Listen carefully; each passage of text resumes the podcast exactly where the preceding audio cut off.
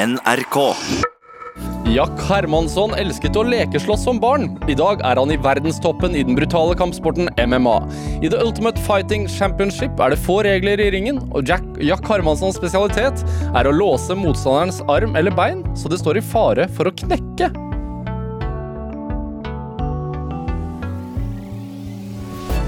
Dette er Drivkraft med Vegard Larsen i NRK P2. Jack Hermansson, hjertelig velkommen hit til Drivkraft. Tusen takk. Hyggelig å være her. Hvordan har du det? Jeg har det veldig bra. Eh, vanligvis er jeg på trening nå, så det er litt uvant, men eh, ellers er det supert. Ja, hvordan er en helt sånn vanlig treningsdag for deg? Eh, det pleier å se ut sånn at jeg begynner eh, morgenen med en, eh, med en økt, og sen eh, er det å spise og restituere seg eh, foran neste økt. Og sen så er det helt slutt, og så spiser du og restituerer enda mer, og så begynner det om igjen neste dag. Og hvordan er en økt? Um, ja, det er litt sånn forskjellig. Noen ganger kjører jeg kampsportsøkter, noen ganger er det sånn styrkekondisjonsøkter, men um, mesteparten er jo kampsportsøkter. Av Sparring? Ja, det er veldig lite sparring, egentlig. Og det er også der som man prater om at um, altså det, det er en fullkontaktsport, og man tenker jo ofte at at alle treninger ser ut så som kampene gjør. Men det er utrolig liten liten del av det vi driver med. Så det meste, mesteparten er jo eh, teknisk trening som ikke går så hardt utover eh, kroppen, egentlig. Eh, så sparring, da, der vi mm, prøver å, å komme litt lignende en kampsituasjon, det gjør vi bare én gang i uken. Oi. Mm, Så det er, sånn, det er bare sånn drilling, altså sånn terping på bevegelser nettopp. ellers? Jepp. Og gå gjennom forskjellige situasjoner og ja, øh, gjenskape forskjellige scenarioer og, og, og drille teknikker. Da. Hvis, hvis øh, han holder deg sånn, så beveger du deg sånn? Riktig. Typ, type trening? Mm. Hvor lenge kan du øve på én bevegelse? da? Mm, det kan man gjøre hvor lenge man ønsker, men uh, man pleier kanskje å gå gjennom en, eh, en eh, tre-fire stykker uh, teknikker på en økt der, som man driller igjennom på. Så holder man på en og en halv times tid ungefær. Ja. Du, uh, som man hører, så er du jo svensk. Ja. Men du, eh, feirer jo både med norsk og svensk flagg når du konkurrerer og vinner. Det stemmer. Hva, hvorfor det? Um, jeg kommer fra Sverige og føler liksom at jeg må eh, ja, representerer mine røtter og hvor jeg kommer fra. Eh, samtidig så har kampsportskarrieren min eh, kommet fra Norge. Det er her jeg har uh, trent uh, nesten hele kampsportskarrieren min, og, eller MMA-karrieren. da. Eh, jeg trener på, en- på en norsk klubb og, og føler at jeg må representere det landet hvor jeg eh, trener i også. da. Så jeg, vi, vi kan si at du er litt norsk også. Det syns jeg. Ja, bra. Det er bra. Det er jeg veldig glad for å høre. Eh, vi liker jo å smykke oss med gode idrettsutøvere. Ja, Spesielt når de gjør det bra. Da, da vil vi gjerne at de skal være norske. med all rett. Altså, altså jeg lurer på sånn Hvis du Hvis du går inn i et rom der det er masse mennesker, Mm. eh, og ser deg rundt, ville du sett om det var noen i det rommet som bedrev MMA på høyt nivå? Eh, hvis noen gjorde det på høyt nivå, så hadde jeg visst hvem de var. Men, eh, men eh, uansett, så du kan jo se det på ørene våre. Det var det jeg tenkte på. Eh, så da vet jeg at han driver med kampsport, hvis du har blomkålsører. Ja. Eh, og eh, det kan være MMA, det kan være jutsu, eller det kan være bryting. da. Eh, mest sannsynligvis en av de tre. Hvorfor får man sånne ører? Eh, du gnir ørene veldig mye mot uh, harde kroppsdeler og, og får noen, en annen eh, Ja, kanskje en liten skalle imot, og så ja, Etter hvert så blir det små blødninger inni øret. Uh, og um, da fikser kroppen det med å skape litt uh, brusk for å beskytte det. Eh, fremtid fremtidige eh, smeller og sånn. Ja. Eh, så da vokser de litt og får en litt eh, rar form, og da får man sånne ører. Er det vondt? Veldig vondt når du slår det opp. Ja. Eh, nå er det ikke vondt, for nå er det hardt, ikke sant? men eh, når man slår det opp, eh, da, da blir det en liten blødning, og da er de veldig ømme. Så da gjør det vondt. Det, og så er det jo En del har jo brukte neser òg, selvfølgelig. Ja, sånt skjer eh, liksom eh, Ja, at eh, noen knekker noen nese eller, eh, eller, eller sånn, det, det skjer absolutt. Ikke så vanlig på, på trening, men i, i kamp, da. Er det litt sånn fordi eh, Jeg leste en bok om boksing en gang, og hvis man ikke hadde knekt nesen sin, Mm. så ble man liksom ikke tatt alvorlig, for da hadde man ikke gått nok runder i ringen. Eh, sånn er det ikke i dag, i hvert fall. Jeg tror eh, det har endret seg veldig veldig mye. Nå så trener man på en måte for man har skjønt at du blir ikke hardere av å få slag i hodet. Det er snarere motsatt. Så Du har et visst antall liksom, slag du kan ta, og sen så, liksom, eh, eh, ja, så klarer ikke kroppen mer. Og, og, så man prøver å unnvike å få slag i hodet. Og det er det vi trener eh, veldig mye på. Ikke, ikke å ta slag i hodet. Så jeg har f.eks. aldri knukket nesen. eh, nesen. Hæ. Ikke ennå, si. Ikke ennå. Eh, Jack Hermansson, du, du er MMA-utøver. Eh, det er en av verdens raskest voksende idretter. Eh, blitt superpopulært eh, de seneste årene. Eh, og så konkurrerer du i UFC, eh, Mm. eller The Ultimate Fighting Championship, som jo det heter. I mellomvektklassen som er 77,5 til 84 kilo. Stemmer. Jeg har gjort leksa mi. Ja, det høres bra ut. Eh, men for, altså, hva er MMA? MMA står for Mixed Martial Arts. Eh, Det er en idrett som kom fram eh, ja, Man sier vel at det starta 1993, den dagens moderne MMA. Men egentlig så hadde du det på de første olympiske leker eh, way back, eh, og da kalles det for eh, pancration, eller pankrasjon. Hvor man helt enkelt prøver med flest, mulig tillatende teknikker å vinne motstanderen. Dagens moderne MMA kom fram fordi man ville vite hvilken er den beste kampsporten. Og Da var det noen brasilianske jiu-jitsu-utøvere som startet denne organisasjonen. Og så kom det folk fra karate, fra boksing og forskjellige kampstiler. Og så skulle man se hvem er det som vinner når man setter disse mot hverandre med eh, minst mulig antall regler, da, så man kan utøve alle, alle teknikker. Eh, derifra, og da, Det første som skjedde, var at eh, den eh, fyren som eh, Den familien som startet der, da, med brasiliansk jutsu, eh, det var den som vant. Den visste allerede på forkant at det her, det her slår alt. Men, Hvorfor det? nei, men de, de hadde, det var en veldig effektiv uh, kampstil, helt enkelt. Ja. Men i dag så har jo liksom MMA da utviklet, så folk har lært seg både jutsu og slå og sparke. Så man har satt sammen alle de effektive elementene fra forskjellige kampsporter til en egen eh, kampsport. Eh, så det er, er hva MMA er i, i dag. Så selv om du i utgangspunktet startet som bryter, Ja. så er du i dag en MMA-utøver. Helt Altså, riktig. Du kan alle ut kampsportene. Precis, ja, man, det det, man blir jo aldri fulllært, men, men eh, jeg har jo da eh, satt sammen eh, ja, mange teknikker for å, for å skape min egen unike stil, og, og den har vist seg å være effektiv. Eh, og så er det dette med UFC, da. Og UFC er litt sånn som og, og hvis, hvis MMA er at du driver med fotball, liksom, så er UFC Champions League. Helt riktig. Det er det største som kan uh, være i denne sporten. her. Ja. Hvor vanskelig er det å komme med i UFC? Det er vanskelig, men det som er enda vanskeligere, er å stande der. Uh, for eh, det, det, det å komme til UFC er utrolig vanskelig. Du, du trenger å vinne høyprofilerte kamper. Eh, og da legger de merke til deg og tenker at eh, det her, det her kan være en fyr som, som eh, vi vil ha i vår organisasjon. Og så får du sjansen. Men i den organisasjonen så er også alle andre de beste fightersene i, i verden. ikke sant? Og der blir konkurransen veldig veldig hard. Så det å stande i UFC og vinne kamper der, det er det som virkelig er vanskelig. da. Ja, du, du, klatret jo opp, du var med i noe som het Cage Warriors eller noe sånt først. Stemmer. Det er en av Europas største organisasjoner. da. Ja, så, så det er altså en stor, seriøs organisasjon. Mm. Hva er hovedforskjellen på UFC og Cage Warriors? Er det pengene og sponsorene, eller hva er det? Ja, altså um, det er, eh, UFC er jo liksom Det er jo en opp til, til UFC. Så I UFC så har du bare ikke bare, men eh, altså kvaliteten på UFC-fightere er jo det er den høyeste kvaliteten av fighter som du kommer altså, Nivået er utrolig høyt. Så er det selvfølgelig mye mer penger i UFC enn hva det er i, i lavere organisasjoner. Ja. Så det blir litt sånn som Som jeg sa tidligere, altså hvis man tenker på fotball, så Champions League mot førstedivisjon. nesten. Ja, litt sånn, ja. Ja. Det, hvordan har du merket eh, Altså, du, du, du gikk din første match i UFC i 2016. Mm. Hvordan har du merket forskjellen på din hverdag etter at du ble med der? Um, ja, jeg har ikke så dårlig råd lenger. Uh, det, Er, men altså, jeg ser jo sånn som eh, denne McGregor som vi hører om hele tiden. det, det, det er ikke sånn det ser ut for de fleste. Det er ikke sånn det ser ut for de fleste. precis. Så han er en av verdens rikeste idrettsutøvere.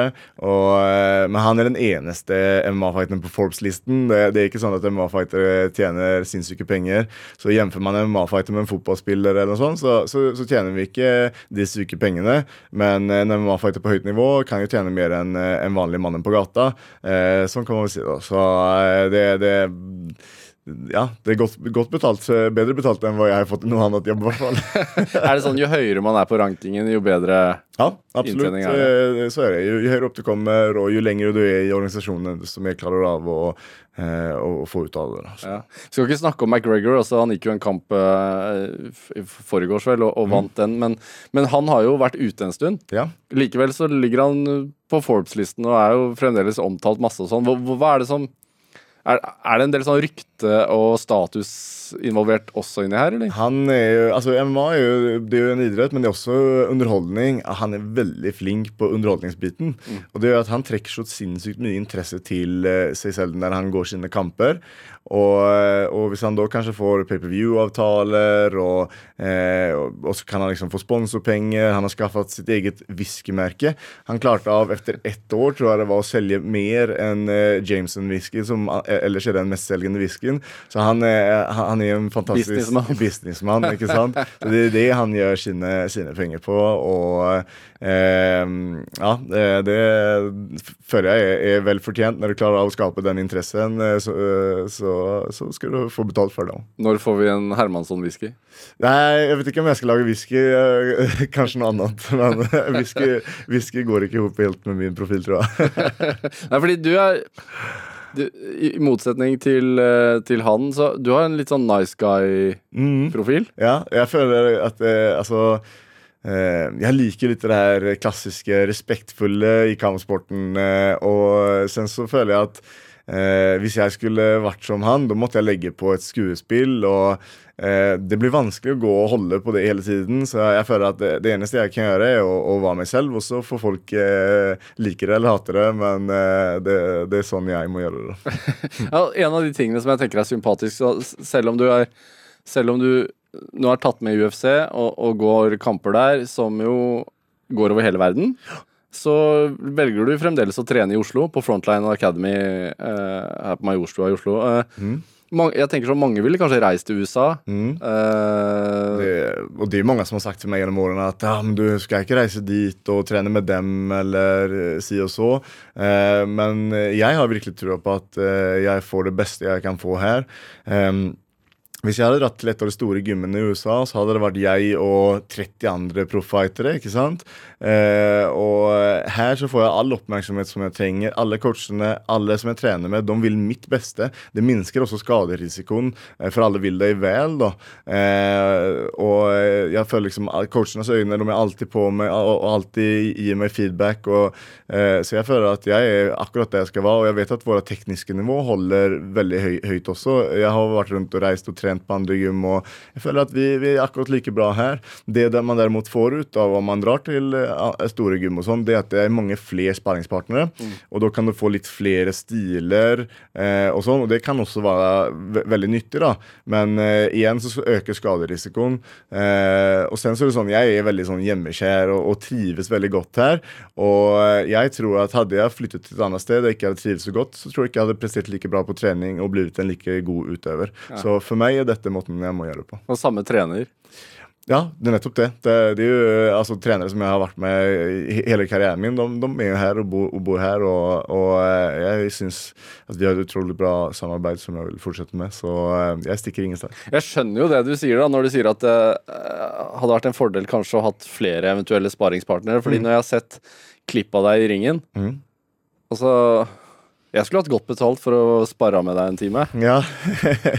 ja, Det som er problemet, det er som regel at man lærer seg stilene til hverandre. Ja. Det er det som er ulempen. da, At jeg vet når jeg går med han og han og han, så kommer det og det og det skje. da, For vi lærer oss det. Så det er egentlig det som er ulempen. Ikke det at jeg slemmer slem sparringspartnerne mine.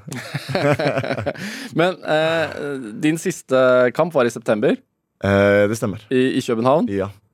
Gikk ikke veldig bra. Det gikk ikke veien. altså. Jeg hadde et veldig godt år før det, Ja. eh, med eh, mange vinster. Men eh, året sluttet ikke så godt. Det ble et eh, tap eh, i slutten av året der. Tapte mot Jared eh, Cannonier. Stemmer. Som Og han var jo uh, ranka lavere enn deg. Helt riktig. Så han var den som kom underfra og hadde også mye hype med seg. Hadde gått ned til mellomvekt. Han kom fra tyngre vektklasser innan. Og så hadde han fått tre strake, hadde litt hype. Eh, og så ville de ha en main event i, i, i Kjøben. Da tok de eh, meg der, og så matcha de oss eh, mot hverandre. og eh, ja. Du har jo egentlig alt å tape når du går mot en som er rangert lavere. Mm, både, både og. Det jeg har å vinne på det, var at Altså du, du hopper ikke opp i ranking, da, men du blir fortsatt eh, Altså, du vokser fortsatt, eh, Du får en fortsatt en, som du får en ja, du får bygge til. på din winstreak og, eh, og det der, da. Så, så jeg valgte å ta den kampen, ta den risikoen. eh, og i etterkant, så selv om jeg tapte, så er jeg ikke så Så føler jeg ikke at å nei, jeg skulle ikke tatt den kampen. For jeg føler at eh, hvis jeg ikke klarte å slå han, da klarer jeg heller ikke av å slå den beste i verden akkurat nå. Ja. Og da har jeg antageligvis ting jeg må jobbe på. Hva gikk galt, da? Eh, det var vel at jeg klarte ikke helt å følge forberedelsene som vi har gjort, gameplanen og, og sånn. Og, Utan uh, jeg fastna litt i det at jeg skulle ta ned på bakken, og, og det ble litt for obvious, det ble litt for åpenbart. da. Uh, så han leste det ganske enkelt og klarte av å, å, kontre meg der. da. Uh, så hadde jeg gjort det igjen, så hadde jeg prøvd å være litt mer uforutsigbar. da. Var det Altså, denne Jared, er, er han høyere Er han høyere enn deg? Lavere. Ja, han er lavere. Mm. Så, så det, har det noe å si? Um, ikke nødvendigvis. Eh, det kan være til din fordel hvis du er flink til å bruke rekkevidden din. Ja. Um, og, og hvis du kanskje liker å holde distansen. I denne kampen så gjorde jeg motsatt. Det var jeg som prøvde å stenge distansen, for jeg ville ta han ned på bakken. da. Eh, og da får jeg ikke brukt rekkevidden på samme måte. Og da, da var han klart av å, å time det da når jeg lukket distansen. Ja. Så det kan være en fordel eh, noen ganger. Hvor bittert er det å tape? Utrolig bittert. Jeg ser det på deg nå. Du, Ja. du, har ikke, du, har ikke du er ikke helt over det. Nei, altså jo Det, det, det må jeg enda si at jeg, jeg føler at uh, Altså jeg er klar av å blikke fremover nå, så, men det er alltid sånn når det vel skjer, så er det helt forferdelig. For du legger så utrolig mye tid. Vi går kamper kanskje tre ganger på et år, uh, hvis du er heldig. Og uh, all den treningstiden, all den fokusen som går opp mot de 15 minuttene der, hele verden ser på, da, da er det utrolig bittert å, å, å tape. Ja, det skjønner jeg. Hvorfor er det bare tre kamper i året? da? Um, ja, Kropp, kroppen skal heles? Ja, det er det. Du vil ha litt tid til progresjon, og sen så det, går de veldig hardt, hardt på kroppen og, og går kampene. Og så vil du liksom ikke eh, ja, du, ja, du vil ikke ta, ta for mye skade, og du vil også ha tid til å forberede deg godt. da. Så er det en kamp, og sen så er det en liten hvileperiode, og så skal du trappe opp treningen, og så skal du utvikles, og sen så etter hvert så får du en ny kamp, og så skal du ha en viss tid å forberede deg innenfor den. Så blir det sånn. Så det går an å gå flere, men eh, jeg tror gjennomsnittet ligger nå på to kamper per år på en MMA utøver. Så en, en MMA-karriere i UFC, Mm. hvis man har vært heldig og unngått skader og sånn, mm. kan basically handle om 30 kamper? Det, det kan man gjøre. Ehm, det er nok ikke så mange som går 30 kamper i UFC, men eh, totalt i, i sin proffkarriere så er det ikke uvanlig at man har så mange kamper. Ja, ikke sant? Det er mange kamper. Ja. Jeg tenkte at det var få, jeg. Nei, det er, det er ganske mange. Så ehm, ja, og eh, det, det, Jeg vet ikke hva rekorden er, men det, det, det, det er nå kanskje 35 eller opp mot 40 muligens eh, kamper i UFC som er, som er det maks som noen har fått til. Liksom. jeg. Jeg tenker sånn, er det Hvor vanskelig er det å komme tilbake eh, når man først taper i UFC, altså både mentalt og fysisk? Fordi jeg får litt sånn inntrykk av at det virker som om to-tre tap, gjerne etter hverandre, da er det liksom ferdig. Det kan det være, og det er det som er så skummelt. eh, Og derfor også blir så mye press innenfor hver match.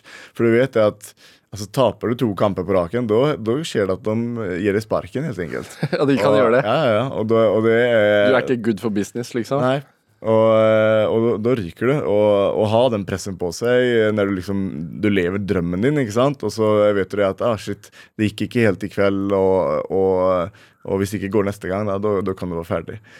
Så det, det er veldig, veldig eh, Ja, det er en stor press å, å ha på seg, og det er derfor også både tap, men også vinn, da. Det, det er veldig mye følelser eh, innblandet der.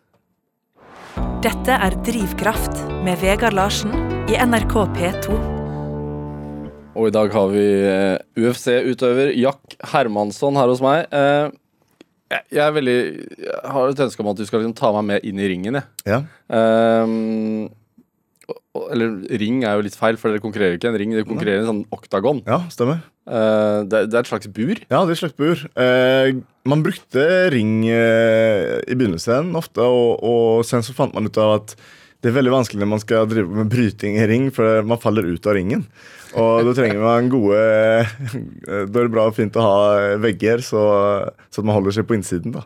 Så eh, det er vel det som er derfor man har fortsatt å, å bruke det.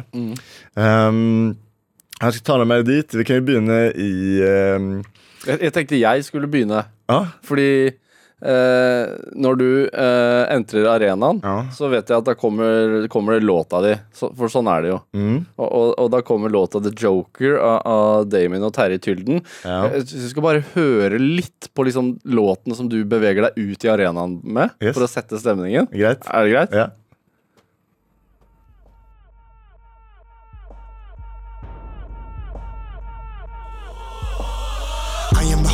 I am the end, and I am the start. I am the spark, I am the blood in your mouth, the taste of your doubt. Now question what made all these scars. I am the blade, I am the anger, I am the rage, I am the pain, I am the constant reminder of what really happens when panic will pop out your veins. Comfort was mine, this is my time. Planets and moons are finally aligned. I am the prime, and I am the brain, and I am the spine. Look for my sign, I am the day, I am the night. A touch from my hand will turn water to wine. Bitches be ready for stitches, the Joker is rolling and brawling and ready to fight.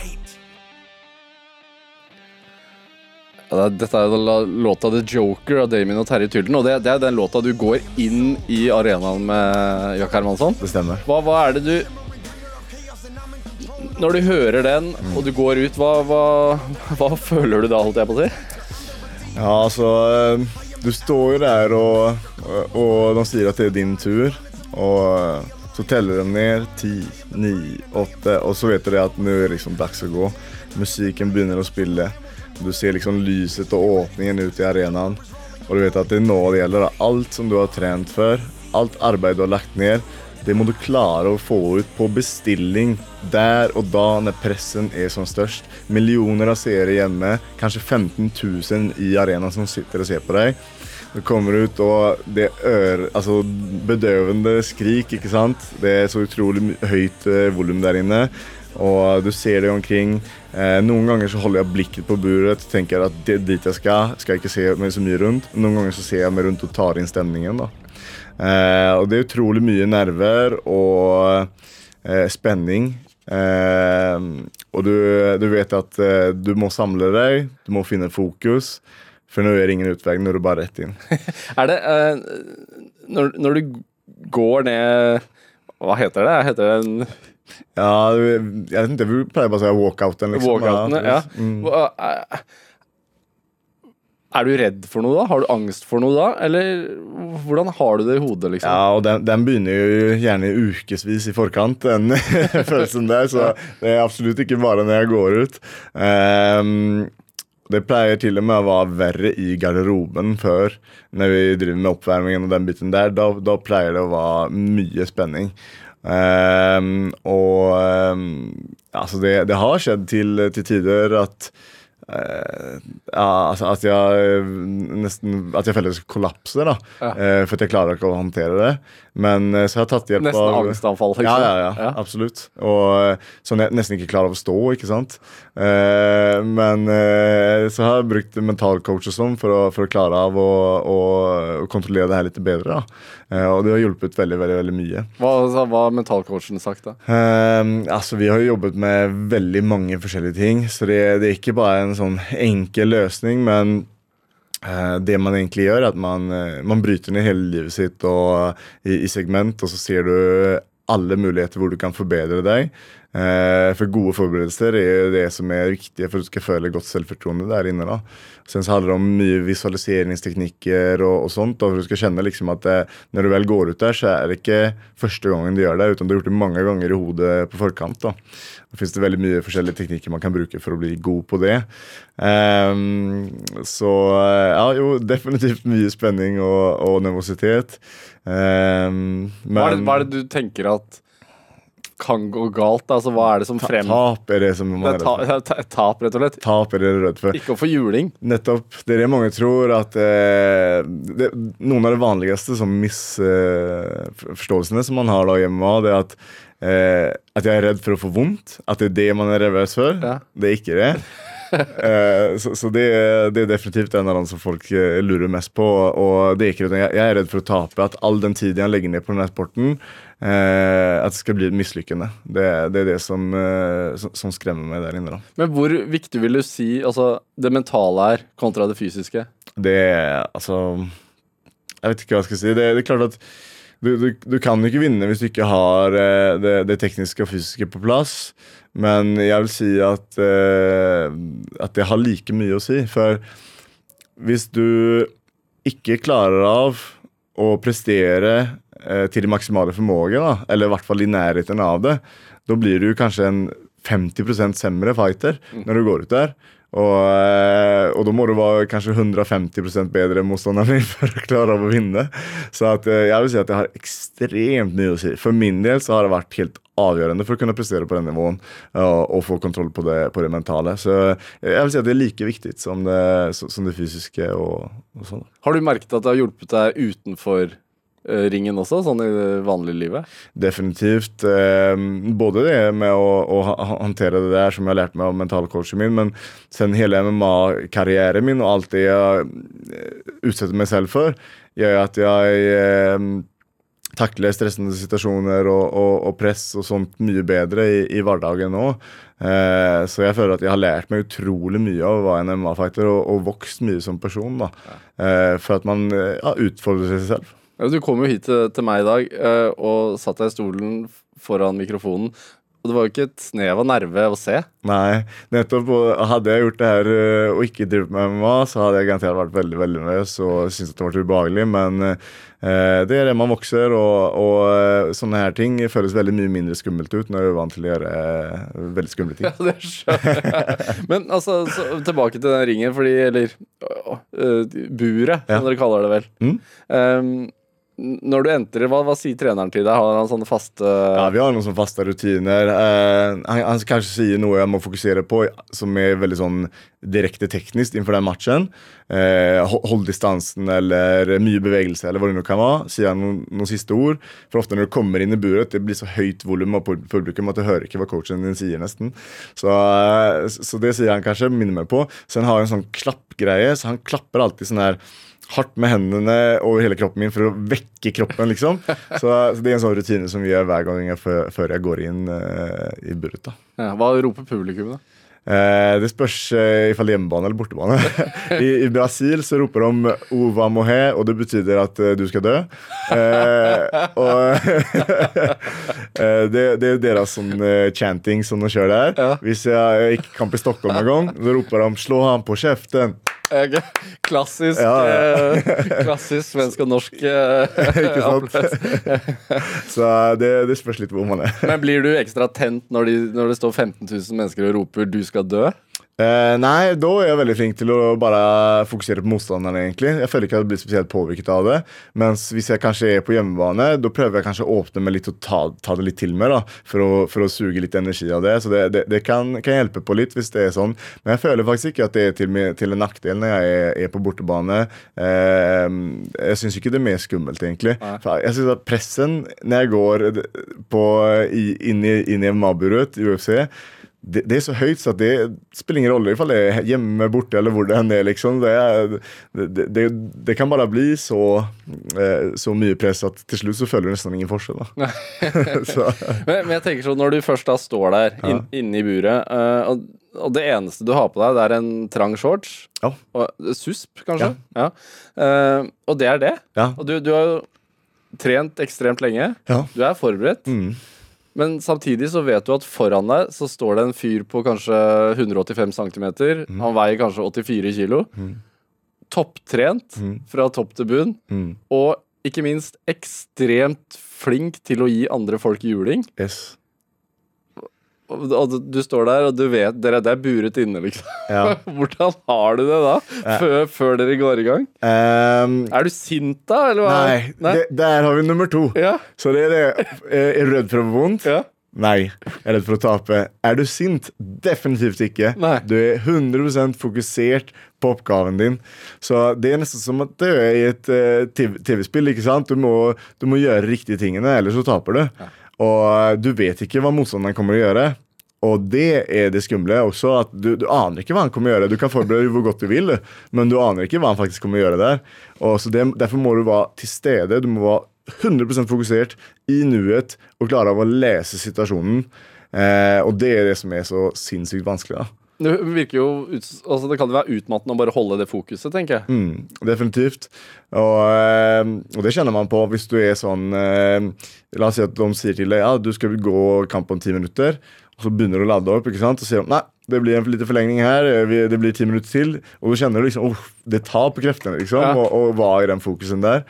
Eh, så det, det, det er krevende det, og, og, og vanskelig å holde fokus under, under en hel kamp. Hvordan men, men altså, du har studert motstanderen på forhånd, da. Mm. Du vet hva som er spesialiteten og ikke. Ja, det gjør man. Men uh, så er det det som er med MMA, siden det er så mange verktøy tilgjengelige, så gjør det at det, det spiller nesten ingen rolle hvor, hvor mye du forbereder deg, så, så får du overraskelser. Og, eh, og det er det som er litt spesielt synes jeg, med MMA i forhold til mange andre kampsporter. Det, det blir så bredt at uh, ja, det fins så mange luker som man kan utnytte. Da. Er det eh, Har du noen sånn typisk start, altså starttrekk? I sjakk og sånn så er det noen sånn Mm, typiske åpninger. ja. Det, det- er, har du det samme i MMA? At det er Ja. sånn, du har et par du kan, Eller sånn en håndfull du kan velge mellom? Ja, altså det, det finnes mange forskjellige man kan gjøre. Jeg vet hva jeg pleier å gjøre, uten at jeg liksom, eh, kanskje ens forbereder meg på det. Jeg pleier å ha litt sånn sidelengs bevegelse åt begge veier, for det skal være vanskelig for motstanderen å stelle seg inn på meg. Og sen så pleier jeg å føle distansen med min fremre bein, så jeg gjør litt sånn innside low kicks, og gjerne utside low kicks, og, og føler liksom hvor, hvor Også, er distansen. bare sånn innside og utside low kicks, hva betyr det egentlig? Jeg tenkte at motstanderen står med ett ben foran og ett eh, bein bak. Ja. Og eh, low kick, det er spark, et lavt spark. Altså skinn, spark, skinnbenet. ja, spark mot beinet, så eh, kanskje på innsiden låret eller på utsiden av låret, eller utsiden leggen. da. Det, det er noen av dem. Så eh, det er liksom den punkten som er nærmest deg fra motstanderen. Eh, og så Det punktet prøver jeg å, å, å treffe litt, for å finne min distanse i forhold til motstanderen. Hvor hardt sparker du da? Alt var Men er det så Hvis, hvis man Altså Hvis du hadde gjort det på meg, da ja. og jeg hadde stått og Hadde foten min kn knokket, tror du? Nei, men du, etter noen stykker så hadde det vært Jeg hadde ikke stått så godt på beinet. Eh, men men i, i liksom Du snakker om det fok altså holde fokuset og være til stede. Mhm. Hvor For når jeg ser eh, en eh, UFC-kamp Mm. Altså, det er jo hektisk. Mm. eh, og du vet jo ikke hva motstanderen gjør. Hvor, hvordan Hvor mye klarer du å faktisk tenke over strategi underveis? Altså Det um, Man kan gjøre det, men jeg anbefaler folk å ikke gjøre det. For eh, det har jeg gjort noen ganger. Begynne å tenke mye under kampens gang. Og det er som regel ikke bra. Utan du må være til stede og la det skje, det som du har trent og sånn på forkant. Eh, la det komme fram per automatikk. da. Ja. For Begynner du å tenke for mye, da er det fort at du blir inaktiv, eller at det syns på deg. Ditt kroppsspråk forandrer seg. Hvis du har tenkt at du skal sparke noen på beinet, da ser du på beinet. Motstanderen registrerer at du ser på beinet, Ja. og så klarer han av å blokkere sparket eller komme seg unna. Men hvis det liksom bare kommer kjapt, du kanskje har øyekontakt med ham mens du sparker på beinet, da kanskje du får inn den trefferen. da. Så eh, det er viktig å ikke tenke for mye, utan eh, ja, bare kjenne og komme inn i en sånn flow. hva, hva er din sterkeste side, da? Eh, jeg vil si at det er mitt eh, tempo. Jeg klarer å holde høyt tempo og presse kampen i et høyt tempo som de fleste motstandere syns er veldig ubehagelig. Eh, og sen så har jeg god, eh, god eh, bryting og toppkontroll.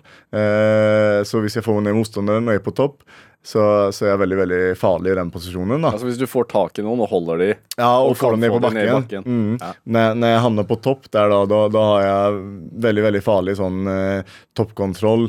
Eh, der, der skulle jeg se kanskje det, det er vel kanskje min absolutte styrke om jeg havner der. da. Ja, for Jeg så en sånn video på YouTube hvor du hadde, hvor det var sånn, du hadde vunnet en topp submission i UFC. Mm, stemmer. Jeg fikk en sånn Submission of the Year eh, fra Forbes uh, for 2019. Og submissions, det er da en, en kvelning eller en, Mm. en Eller at man Helt riktig. Det er, et, det er et grep da som går enten mot ledd eller, eh, eller mot eh, eh, halsen. eh, hvor du prøver å få motstanderen til å gi opp. Ja. Eh, så motstanderen gir opp for å unnvike sk skade eller ja, Fordi armen kan knekke, Ja, eller, eller man får ikke oksygen, liksom. Helt riktig. Så du setter, setter press på, på motstanderen, og når han kjenner at nei, det her kommer ikke ur, så klapper han, og da er kampen over. Så har du vunnet den. da. Eh, så da har jeg en sånn liten spesialer eh, som kaller for The Joker Team. En, eh, en giljotinvariant. Ja, nå er vi inne på eh, termologi her, men eh, Ja. det, det er en submission, helt enkelt. Så den fikk jeg til mot en, en flink motstander. Så du har et spesial Du har en spesialsubmission Ja. som nesten bare du gjør. Ja, det er ikke så mange som gjør det, i hvert fall. Så jeg har lært den av, av treneren min, da, men, men det vel Ja, den ble litt kjent etter at jeg fikk den til. Hvorfor, altså, Du har jo, som vi har vært uh, bitte litt inne på, bakgrunnen som bryter. Er det, Tror du det er grunnen til at du er så god i dette? her? Ja, det har veldig mye å si. For uh, den bryterbakgrunnen uh, det gir deg liksom en sånn kroppsforståelse, kroppsbeherskelse, eh, som er veldig overførbar til all type av kampsport. Eh, og sen så bare, er det jo brytemoment i MMA òg, ikke sant? Så jeg har faktisk brukt brytinga mi aktivt i, i MMA-sporten. Eh, så det er definitivt eh, har, har stor del eh, i min fremgang, tenker jeg. Og så er du god i sånn såkalt ground and pound. Mm. Sånn at man, begge utøverne ligger på Gulvet. gulvet, og så slår du samtidig som man ligger. Ja, riktig. Så det, det er den her eh, toppkontrollen. Da, at, at ha kontroll på motstanderen og samtidig klare av å levere slag eh, fra topp. Da. Så det, det Er er, det, er det vanskeligere enn det høres ut som? mye vanskeligere enn det høres ut som. Så hvis en vanlig person hadde prøvd å slå meg når jeg ligger ned, så hadde de aldri fått til et eneste slag. For det, det, det, Hvorfor ikke? For vi trener oss på å forsvare oss fra bunn. Ja. Eh, så jeg hadde jeg, Altså eh, Det går jo å vinne kamper fra bunn òg, ikke sant? Du kan feste submissions underifra når du ligger ned. Og det er, det er det som er kanskje et vanlig misforstand. da, at så, nei, Man kan ikke slå noen som ligger ned. Men, eh, og, og det kanskje gjelder hvis den ikke kan forsvare seg, en vanlig person. Eh, men vi trener jo på å være flinke underifra nå, så mange til tross for at de får ned motstanderne sine på bakken, så bakker de bak og lar motstanderne stelle seg opp igjen. For de tenker at de har større fordel der enn hva de har hvis de går på topp. Så at det, det er altså eh, absolutt ikke sikkert at du er, er i en god posisjon bare fordi du er på topp oppe på noen på, på bakken. Da. Nei, fordi den som ligger under, kan være sterkere. Den kan være veldig god der, da. Ja, ja. Men jeg er veldig god på topp. Har det eh, Har du skadet noen? Eh, jeg tror altså Småskader og sånn, det får man hele tiden. Eh, jeg vet ikke om jeg skader noen eh, alvorlig. Men he, helt sikkert, altså. Det, det, det dykker opp små, små skader her og der. Og Hva er den verste skaden du har fått, da? jeg har Altså, ribbeinet mitt løsna en kamp en gang. Eh, Hva, hva, unnskyld meg, hva, hva, brekt ribbein vet jeg hva er, men løsnet ribbein, hva er Tenk det? deg at eh, ribbeinet de sitter fast i brusk her. ok? Ja. For Hvis det hadde vært helt stivt med bare bein, så hadde vi ikke kunnet bevege oss og puste. og sånn, ikke sant? Det trenger litt fleksibilitet. Ja. Så sitter fast i brusk. Tenk deg at du tar ribbeinet og så drar du av det fra festet der det sitter fast i brusket. Det er det som skjedde. da. En eh, separasjon. liksom. Så, Ja. så det løsner fra festet sitt. Hvordan skjedde det, da? Eh, jeg prøvde å kaste motstanderen min. Okay. Så, og og, og det, det kan være sånne krafter, ikke sant. Når jeg, jeg tar i, og han holder rundt kroppen min, så blir det en sånn rotasjon.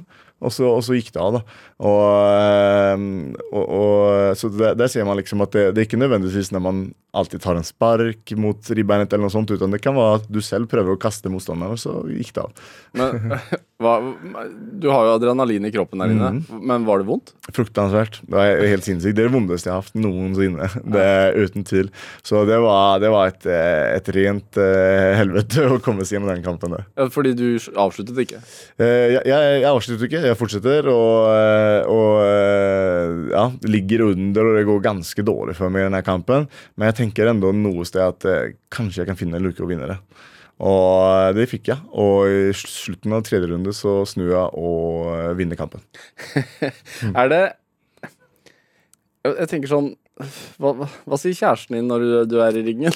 um, ja, men Hun blir jo selvfølgelig litt nervøs, og sånn men uh, jeg har drevet på med det så lenge vi har vært sammen. Vi har vært sammen i syv år nå. Ja. Uh, og uh, ja, hun vet at det er det jeg driver med, liksom. Det er jobben min. Det er jo en sånn oppfatning av at det er en voldelig og farlig idrett. Mm. Hva tenker du om det? Nei, jeg er ikke helt enig. Altså, det fins Det er definitivt høy risiko å gå profesjonelle MMA-kamper. Eh, det er det. Men man kan eh, Altså på trening og sånn, så, så er det absolutt ikke farlig. Eh, og det finnes mange måter å trene på som, eh, som ikke skader kroppen. Eh, så det går helt fint å gjøre. Sen skal man gå eh, kamper på det øverste, øverste nivået. Da er det risikofullt. Men vi gjør det som sagt veldig lite, så vi går ikke kamp hver uke eller sånn. Og, eh, utan vi, vi, får noen harde trykkere noen ganger om året. Eh, og, og, det er definitivt en, en risiko i. Eh, men eh, det finnes mange andre sporter som er like farlige eller farligere. Er det, jeg tenker sånn En kamp kan vare maks 15 minutter? Eh, hovedkamper og tittelkamper er 25 minutter. Ja, Oi, det er lenge. Men, og, og da har man da uh, konstant adrenalinkick? Ja, det vil jeg si. Hvordan, hvordan, er, hvordan, kjennes det ut i kroppen din når du er ferdig? Veldig rart. altså. Du får en sånn uh, dump, og, og, jeg blir alltid sånn uh, Folk kanskje tenker jeg er ferdig og vunnet og sånn, vil, vil ut og, og, feste. og feste og sånn. Jeg så sliten. Det er som om liksom alle de månedene hennes harde slit og sånn Det er som hele verdens tyngde bare slipper fra skuldrene dine. Og, altså Jeg er så trøtt så at eh, eh, ja. Men derimot så har du så mye adrenalin i kroppen, så det går ikke å sove, men allikevel er sliten. Så jeg ligger som regel bare på hotellsengen der og, og eh, kanskje bestiller noen pizza eller noe, så ligger jeg der og, og dauer. og så får, så får teamet ditt ta seg av festen? ja, de pleier også å være veldig slitne, faktisk. Dette er Drivkraft med Vegard Larsen i NRK P2. Og i dag har vi MMA-utøver Jack Hermansson her hos meg. Han er ranket som nummer seks i verden i sin vektklasse i UFC. Eh, ikke dårlig. Nei, det, det, er rett og slett fryktelig bra. Det er ikke så verst. Altså Går det an å si hvor bra det er i forhold til folk som ikke veit hva denne idretten er? Altså Kan man sammenligne det med noe? Altså, det, det, det er det eh, øverste, øverste nivået i, i sporten. Og det, det, er en stor sport med mange utøvere. Så eh, jeg vet ikke Jeg gikk ikke trykke ned randesporten, men, eh, men det, er stort nok, i hvert fall. Så det, ja, det, er ikke lett. Tenker du at MMA er en sport for alle? Det kan være en sport for alle. Profesjonell MMA er definitivt ikke for alle. Eh, men eh, ah, MMA er vel ikke for alle. Det er ikke alle som klarer den nær, nærkontakten og, og, liker det heller. Mm. Men eh, det går å trene eh, når man er liten og når man er gammel. Eh, og det går å trene på en måte som er eh, helsesam. men toppidrett og topp-MMA det, det, er kanskje ikke helsesamt og ikke for alle. Men Eh, men det, det fins forskjellige nivåer av det, så jeg tror at eh, de fleste kan, eh, kan synes MMA er gøy. Ja. Hvor, hvor, hvor, fort tror du altså, Jeg er jo en mann på 1,82 og veier 86 kilo og, og er relativt sånn helt vanlig fysisk form. Hvor mm. fort tror du at du hadde klart å uskadeliggjøre meg? Ja, det her gått fort. det hadde gått fort. ja, det hadde, gått unna, det hadde gjort det. det jeg vet ikke, Det spørs hvor fort du løper. så tiden det tar for meg å få tak på deg. ja, jeg løper dessverre treigere og treigere. Nok om det. Men du, hvis man ser på eh, oppveksten din, Hermansson, er, det no, er det noe i den som eh, tilsier at du skulle bli så god til å slåss som du er blitt? Mm, jeg, tror det, jeg tror at jeg ble formet allerede fra barn. Jeg husker når jeg var veldig liten, så ble jeg med faren min på en sånn eh, Han hadde en kompis som drev med judo. Og Da fikk jeg se faren min kaste han. Og det var en ting visuelt der som jeg syntes oh, Kan man gjøre sånn, liksom? Jeg tror jeg var fem år eller noe sånt. Og bare tenkte at det, det der så helt sinnssykt fett ut. Og mange maste på han og spurte om det der og, og, og sånn. Og, eh, og, senere så fikk jeg jo kanskje sett eh, noen kampsportsfilmer og sånn. Og jeg vet ikke hva det var, men det, det visuelle med kampsport og sånn, det, det bare fastnet for meg. Eh, og eh, ja, jeg elsket det så lenge jeg kan huske. Og, mm, Hva slags filmer da? Husker du? Er det Bruce Lee som var min store fan, liksom. Selvfølgelig. Ja, ja, ja. Det, det, det, det, var liksom min største helt. Og, og broren min elsket det òg, så vi drev på og lekeslåss og eh, ja, hadde liksom eh, Det var kung fu for hele slanten i, i, i vårt eh, barnerom, så stakkars mamma fikk, fikk høre på Eh, på det her hele dagene. Men eh, nei, det var, det var mye, mye lekeslåssing, og jeg føler at det liksom la grunnen for, eh, ja, for denne MA-utøveren som jeg er i. da. Jeg tenker sånn, ba Alle barn lekeslåss jo. Mm. Um, og i hvert fall hvis man har brødre, så Ja. lekeslåss man i hvert fall. Ja. Uh, ganske brutalt støtte til, Ja. tider. Men, men tror du at eh, det å faktisk slåss og bryne seg på noen, som man jo tydeligvis gjør som Mm. barn allerede fra veldig liten tror du det er noe som ligger i, i mennesket? 100% altså det, det ser man hos i stort sett alle dyr. Så, så er det jo sånn at eh, barnen de leker slåss, og det er liksom for å forberede seg kanskje for når man blir voksen.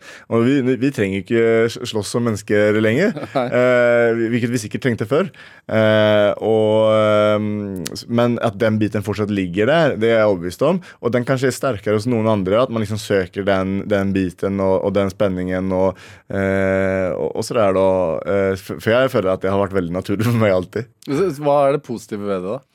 Eh, nei, det er vel at det er gøy og, og, og sånn. Og eh, det er klart at eh, bare når det gjelder eh, altså, idrett generelt sett, det er noe som mennesker liker. Vi liker det som underholdning. Vi liker å teste og måle krefter mot hverandre.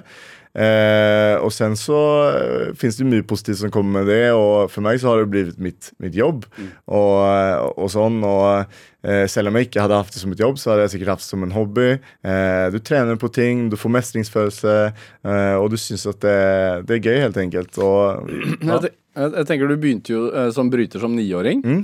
Er det eh, Hva gjorde det for deg da, som ung, ung gutt? Er veldig mye. Eh, Jeg hadde jo ønsket å få begynne med kampsport langt tidligere. Og så jeg, men Moren min lot meg ikke gjøre det, men bryting syntes hun var greit. Så begynte jeg med det, og, og jeg føler at eh, brytingen, og både som for å holde meg i form, og eh, miljøet der var veldig sånn støttende til meg.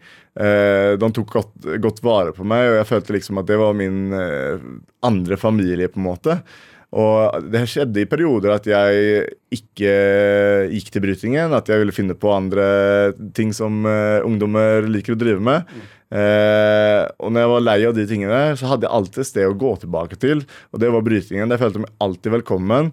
Og jeg, jeg følte liksom at uh, ja, det var et sted jeg kunne dra, jeg kunne være meg selv, jeg kunne trene hardt. Og den treningen den, den ga meg liksom en, ja, en god følelse hvor jeg mådde bra. da. Eh, og så var det noen trenere sånn som var veldig sånn støttende figurer som betydde veldig mye for meg. Altså. Du, du mista faren din samme år. Eh, ja, stemmer. Da jeg var ni år. da. Var, var det Var eh, idretten og de trenerne og sånn et godt sted å, å, å være da? Altså få ut følelser og sånn? Ja, jeg føler det. At, eh, at For meg var det utrolig viktig. Eh, og jeg vet ikke om det var Altså, jeg begynte med bryting bare fordi liksom, jeg syntes det, var- det var kult, og det var noe som kompisene mine drev på med. Eh, men når jeg først var der, så fant jeg jo at det var så utrolig mye mer verdi i, det. da Eh, så ja, for min del så, så har det vært eh, utrolig viktig. Jeg tror at eh, ja, jeg, jeg tror faktisk at det er sånn at det har reddet meg noen ganger fra å skli ut og, og på andre dumheter og sånn. da. Eh, for det var alltid, brytingen var alltid der i bakhodet, og eh, trenerne mine det var sånne som jeg så opp til og hadde mye respekt for. Og jeg ville jo være et godt menneske, eh, for det var det man skulle være for å imponere på dem. Ikke være ute på byen og springe rundt og gjøre faenskap. ikke sant?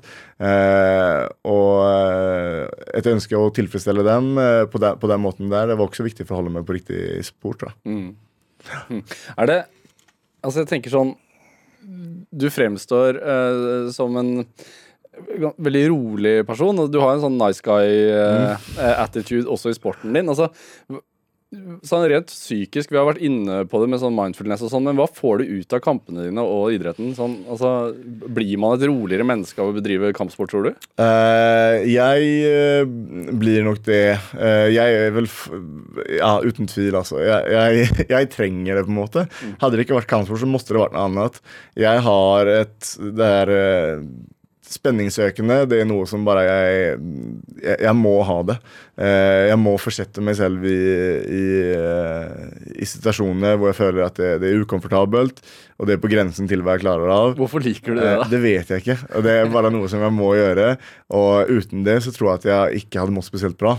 Eh, det, hadde liksom, det hadde drept meg litt. Så, eh, så hvor skummelt jeg enn syns det er, så er det noe som jeg alltid oppsøker. Og, eh, og jeg tror at når jeg evner er ferdig med det, så kommer jeg å fortsette å oppsøke andre farlige situasjoner. Jeg tror det. Ja, det tror jeg faktisk. Jeg, jeg tror liksom ja, Eventyr og ekspedisjoner og sånn trigger meg òg. Ekstremsport. ja, og liksom Ja, vet ikke, jeg vil seile jorden rundt eller gå til Nordpolen, et eller annet. ikke sant? Alt det der som, som eh, får meg til å føle meg eh, Oi, shit, eh, hva er det egentlig jeg driver med? Eh, den, den følelsen der, det er noe som bare jeg må ha. Føler man Altså, jeg tenker sånn de eh, minuttene i buret, er det Er det liksom den tiden du kanskje føler deg mest levende? Ja, definitivt. Eh, det er det. Det, det er inget, inget annet sted hvor jeg trenger å ha den ekstreme, ekstreme fokusen som du må ta fram der og da. For det føles nesten ut som at Altså Har du den ikke til stede? Det, som, det, føles litt sånn liv og død-aktig. Eh, så du er nødt til å være 100% til stede. Det bare presser ut den der superfokusen ut av det. da eh, Og, og, og det, det opplever jeg inget, ingen annet sted. Ikke i nærheten engang. Eh, og så en følelse som du får hvis du klarer å vinne. Det er også et sånt rus som, som er også ingen annet sted jeg kan finne. finne. Så eh, ja, har jeg vel smakt på det, så, så, så vil man gjerne tilbake dit. Ja, Det får meg litt til å tenke på Vi har hatt eh, Karina Hollekim her i et annet drivkraftintervju, som eh, i veldig mange år drev med basehopp Ja. på veldig høyt nivå. Ja. Og hun snakket om noe av det samme, også fokuset, men også sånn mestringen. At man føler seg veldig levende. Ja. Uh, og det er en, kanskje en dum sammenligning, men det er jo en, det er en slags sånn ekstremsport, Absolutt. Det er at du eh, mister du fokus ett sekund, så skjer det noe veldig dumt. og, og det får deg til å ønske å holde det fokuset veldig skarpt. da. Blir man avhengig? Eh, ja, det tror jeg. Eh, jeg, jeg er i hvert fall det. Så jeg tror no, noen blir, eh, blir definitivt eh, avhengig av den følelsen. Ja. Det, jeg tenker sånn, siden du um, eh, trener her i Oslo eh, på Frontline Academy, der er det jo og det er mange unge der. Mm. Ja. Man begynner veldig tidlig. Ja, det, det blir, altså sporten, sporten er jo ung, men, men eh, i dag så begynner folk eh, veldig veldig tidlig. Eh, så det er barnepartier og, eh, og sånn, helt fra barn til eh, pensjonærer. Altså, jeg tenker Når du er til stede der, Mm. så, så må du jo merke at de ser på deg som et forbilde. Jo, absolutt. Det, det merker man. Hva, hva, hva, hva tenker du om det? Eh, nei, men jeg, jeg føler at det, det føles greit ut. Eh, for jeg føler at jeg prøver i hvert fall alltid å eh, ja, foregå med godt eksempel og, eh, og prøve å være et så godt menneske som jeg kan være. da og, og da føler jeg at det, det, det er greit at de ser opp til meg. da Hadde jeg valgt en annen profil, så kanskje ikke hadde det føltes like bra. men jeg føler at men jeg kan stå ganske rak i ryggen, og, og, og, det kjennes eh, helt greit. Så, så det er kult, og eh, ja, jeg håper jeg kan bidra til noe, eh, til noe positivt. Er det all slags type ungdom som starter? Ja, det er det. Virkelig all. Og ikke bare ungdom, uten voksne. Det, det er fra folk som har liksom alle jobber, da. Det finnes, eh, Glem stereotypen, liksom. Det fins eh, alle Fra alle samfunnssjikt og alle forskjellige jobber og, og, og, og så Hva er stereotypen egentlig? eh, jeg tror at det har vært tidligere, kanskje. eh, litt sånn eh, røffe, tøffe, tatoverte hardinger eh, og, sånn. Du har tatovering. Ja, absolutt. Og dem fins der, dem òg. Dem er der, men det er langt ifra alle. Så at alle er der. Det, det er virkelig det, det er leger, advokater, rørleggere, eh, resepsjonister eh, You name it, liksom. Du, du finner alt der nede i den kjelleren. Er det, det stemmer det at du har en sånn MMA-tatovering? Det stemmer. Hvor er den? Tenner på rumpa. Min researcher har gjort god jobb. skjønner. Ja, det syns jeg. Det er ikke så mange som vet om det. Hva er historien bak det? Nei, du, det, det var at jeg skulle ta en annen tatovering, egentlig. Broren min er, eh, er tatover. oh, ja. Eh, og han eh, Det her var før han hadde eget studio, sånn, så vi var hjemme i, i stua. Eh, og så hadde han, var han tom for nåler uh, som passet til å gjøre den tatoveringen jeg skulle gjøre. Så han, Nei, du får ta noe annet. Så han, jeg bare, faen skal jeg gjøre da? Og så, eh, jeg vet ikke, det bare, det bare poppa opp i hodet mitt. Og så, så, så gjorde vi den. uh, Jack Hermansson, det er jo Det er en stund siden du har gått kamp. ja. Eh, jeg, jeg så du på Twitter- Twitter-kontoen din i januar skrev uh, utfordra egentlig han Kevin Gastelum. Gastelum. Jeg vet ikke hvordan man sier navnet yeah. hans, men en amerikaner. Eh, hva, hva skrev du? 'Let's give the fans a fun one'. Eh, Ja. Er det sånn man får kamper? Mm, noen ganger. Men det, det er egentlig ikke Det ser ofte ut at det er sånn, men, det, men det er ikke sånn. Det Eh, avtalt spill eh, om å tirre litt på forhånd. Nei, det, det, det jeg prøver på De som bestemmer egentlig hvilke som skal møtes, det er UFC. Og jeg tenker at eh, noen ganger, hvis du klarer av å skape litt interesse rundt en kamp, så er det kanskje større sjanse for at UFC sier ja, men greit, vi tar den kampen der, da. Men hvorfor vil du ha han, da? Eh, å, det er for at han er egentlig den som er høyst ra eh, rangert, som er tilgjengelig. Alle de andre som er rangert over meg, dem har kamper innbooket eller skadet. Så dem, dem kan jeg ikke få møtt. Så det er liksom, ok, hvem, hvem er nest, nest på listene som ligger best an, som jeg har mest å vinne på å møte? Det er han. Da blir det han. Så eh, jeg, jeg tenker liksom aldri sånn eh, stilmessig eller hvem, hvem kan jeg slå, eller noe sånt. Utan jeg sikter liksom høyt. Eh, den, høyest, den beste motstanderen eh, dere, dere kan finne til meg, det er den jeg vil møte. For jeg vil klatre eh, mot målet mitt, som er å bli best i verden. Og, og, og da må du, du må sikte så høyt som du kan. Er det det som driver deg? Å bli best i verden? Det er det definitivt. I dag så er det det. Eh, tidligere så har det vært, jeg har hatt forskjellige mål under hele karrieren min. Alltid satt driven høyere og høyere og høyere. Men i dag så, så, så finnes det egentlig ingen annet igjen. Eh, alt annet er oppnådd, så nå er det bare det igjen. Hva gjør du etter det er oppnådd, da? Hvis du Jeg prøver å forsvare tittelen, så eh, da, hvis jeg har fått tittelen og blitt bestevennen, da vil jeg fortsette å forsvare den. Eh, og eh, ja, det fins jo noen som har forsvart tittelen sin veldig mange ganger. Så, eh, så det, det går alltid å sette målet sitt høyere og høyere, da. Hvor lenge tenker du at du kan være i toppen? Jeg tror at jeg fortsetter med det her eh, Jeg legger nå opp før jeg er 40. Ja. Jeg er 31 nå. Mm. Det blir spennende å se, da. Ja. Eh, hvis den kampen mot han derre Gastellum blir nå, Ja. Tror du du vinner da? Ja, det, jeg tror alltid at jeg, at jeg vinner. Ja. Eh, men jeg vet at eh, eh, alle oppe er så flinke. Eh, det er alltid en sjanse for at, eh, for at de kan treffe meg og, og klare å vinne kampen nå. Eh, men, men jeg går alltid inn med mindset at jeg skal vinne denne kampen. Jeg kommer gjøre de beste forberedelsene jeg kan gjøre. Og når jeg gjør det, så tenker jeg at da, kan jeg slå hvem som helst. Jeg ønsker deg lykke til, og ikke minst å bli best i verden. Tusen takk. Takk for at du kom hit til Drivkraft. Jack Hermansson. Hør eh, flere samtaler i Drivkraft i NRK Radio på nett og app, eller last oss ned i din podkast-app. Send forslag til gjester jeg kan invitere til programmet. Send e-post til drivkraftalfakrøll.nrk.no. Jeg heter Vegard Larsen. Dette var Drivkraft. Du har hørt en podkast fra NRK P2.